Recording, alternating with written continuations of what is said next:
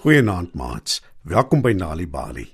Alle diere lyk vir ons soms dieselfde, maar tog is daar heelwat dinge wat hulle verskillend maak van mekaar. Weet julle wat is die verskil tussen wit en swart renosters? Kom ons vind uit in vanaand se storie. Olaus, die skoenbek ooievaar en die renosters, geskryf deur Sissily van Straaten.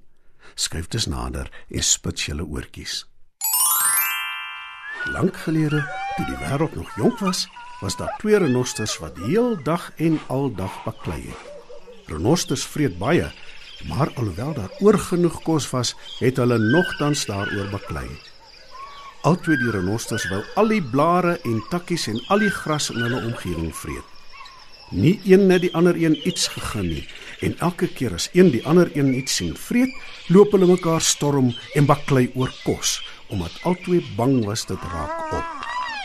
Hulle storm op mekaar af, hulle stamp hulle eislike groot koppe te mekaar. Hulle slaan mekaar met hulle neushorings. Renosters het natuurlik twee neushorings, die een kleiner as die ander. En die twee hou aan en aan baklei, want nie een van hulle wil bes gee nie. Hulle hou aan totdat albei bebloed en doodmoeg is. 'n Klein renostervoël wat gewoonlik die bosluise van hulle rug afpik, hou die betalje dop. Julle dom diere. Sê die renostervoël. Gaan na Olas toe. Hy is wys en hy sal julle geskil oplos. Toe, kom, volg my. Olaus is 'n skoenbek ooievaar, bekend vir sy wysheid. Hy besleg ook gereeld geskille onder die diere. Dit beteken as twee diere baklei, sorteer hy hulle vinnig en baie slim uit. Die twee renosters volg die renostervoël deur die bosse tot by die moeras by die meer. En daar tussen die langriete tref hulle die wyse ou skoenbek ooievaar aan. Die twee diere beklei al heeldag Verduidelik die renostervoël. en hulle sal aanhou tot môre as iemand hulle nie keer nie. Dis hoekom ek hulle na jou toe gebring het. Sug sy. Olaus kyk stip na die twee renosters met sy goue wyse oë. Vertel my waaroor jy beklei. Sê hy: Nee, jy groot lomp die rasie is heeltyd aan my pad. Sê een van die renosters. Die hele gebied tussen die moeras en die meer hier en die heuwels deur aan die ander kant is myne. Hy wil dit maar net nie aanvaar nie. Hy is die hele tyd in my gebied en hy vreet al my kos. Dis nie waar nie. Die nare dier hier met die lang gepunte bolop. Hy is die sondebok. Stry die ander renoster en voeg by: Hy is die een wat in my gebied oortree. Dis die deel daar ander kant tot by die heuwel met die hoë bome. Hy vreet al wat 'n bossie is en hy los ek nie die bome se blare uit nie. As hy klaar is, is daar niks oor vir my nie. Ek sien. sê Olaus en skud sy vlerke reg. Hy kyk aandagtig na die twee renosters. Die een het 'n vierkantige bolop en Olaus kan onmiddellik sien dat dit geskik is om gras te vreet. Die ander, effens kleiner renoster aan die ander kant, het 'n lang gepunte bolop. En die bolop, besef Olaus dadelik, is meer geskik om blare en takkies te vreet as gras. Julle is inderdaad twee dwaase diere. dink Olaus. Hy sê dit natuurlik nie hardop nie, want hy besef die twee renosters is nie net groot en vreesaanjaend nie, hulle is ook baie aggressief. En hy wil hulle beslis nie nog kwaader maak as wat hulle reeds is nie. Die wyse wesens van die wêreld weet wanneer om lief stil te bly, en Olaus is beslis een van hulle. Hy dink wat hy wil, maar hy sê dit nie. Ja. Sê Olaus wel hardop. Julle twee werklik waar aanhou beklei totdat julle mekaar so verniel het dat nie een van julle twee dit sal oorleef nie? Of wil julle die slim ding doen en in vrede saamlewe? Die renoster met die lang gepunte bolop lig sy kop op en snork, maar die renoster met die vierkantige bolop laat hang sy kop moeg en moedeloos en sê: Ek kan jou raad volg onlangs. Al die diere weet hoe wys en slim jy is. Jy sal veel eerder vreet as baklei.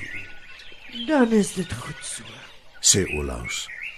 Dit is wat ek voorstel. Jy met die breë vierkantige lip vreet van nou af net gras. Kyk voor julle uit. Daar is velde en velde vol gras wat net wag om gevreet te word. En daar sal beslis altyd gras wees. Maar los die blare en die takkies aan die bome vir die renoster met die lang gepunte boonop. Hy kan dit veel makliker bykom. Jy moet dit tog sekerlik self te besef. Die renoster met die breë vierkantige bolop kyk uit oor die grasvelde en stem saam. Daar is baie daarvan. Hy knik en sê: Ek sal van nou af net gras eet. Wat van jou?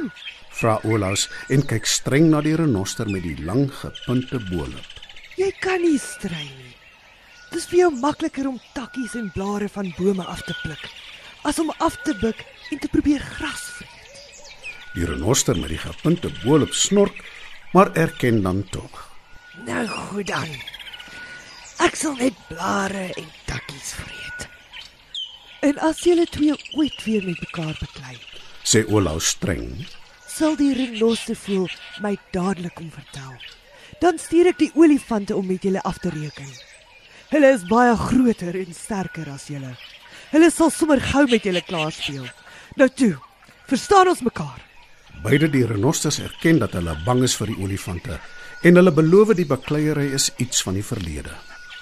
Van nou af heet jy swart renoster, Sê Olaus vir die renoster met die lang gepunte lip. Want jou vel is swart en jy's humeurig. En jy, Sê Olaus vir die renoster met die breë vierkantige bolop. jy heet wit renoster. Wit, soos in wye bek. Al is jou vel ook swart. Jy lyk vir my inderdaad ook meer inskikkelik. Nou toe. Maak dat jy wegkom en gaan lewe saam in vrede. Die twee renosters stap gedwee weg. Hulle het baie om oor na te dink en hulle is beide nogal in hulle skik dat hulle van nou af onderskei gaan word. Van toe af vreet wit renoster gras en swart renoster takke en blare. En die twee baklei nooit ooit weer oor kos nie. Wanneer kinders tuistories hoor, help dit hulle om beter leerders te word op skool. Vir meer stories om vir kinders voor te lees of vir stories wat kinders self kan lees, besoek ons by www.nalibali.mobi. Daar is heelwat stories in verskeie tale absoluut gratis beskikbaar. Daar is ook wenke oor hoe om stories vir kinders te lees en met hulle te deel sodat hulle hulle volle potensiaal kan ontwikkel. Nalibali is ook op Facebook en daar is Nalibali stories en aktiwiteite in bylaas van koerante. Story Power. Bring dit huis toe.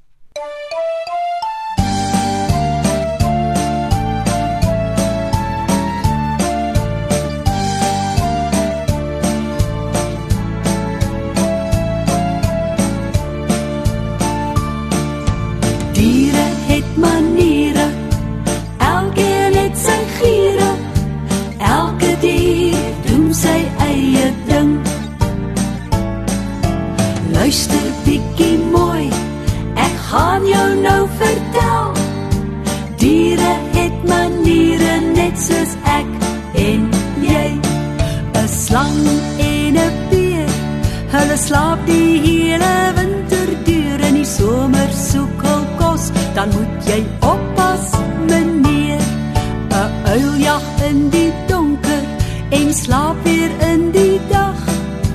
Apies swaai in die bome rond, hulle speel en ras en lag.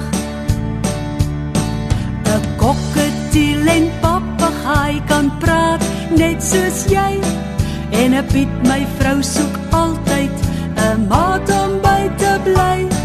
Verkleurmannetjie het mos 'n reënboog ingepak sy kleur vir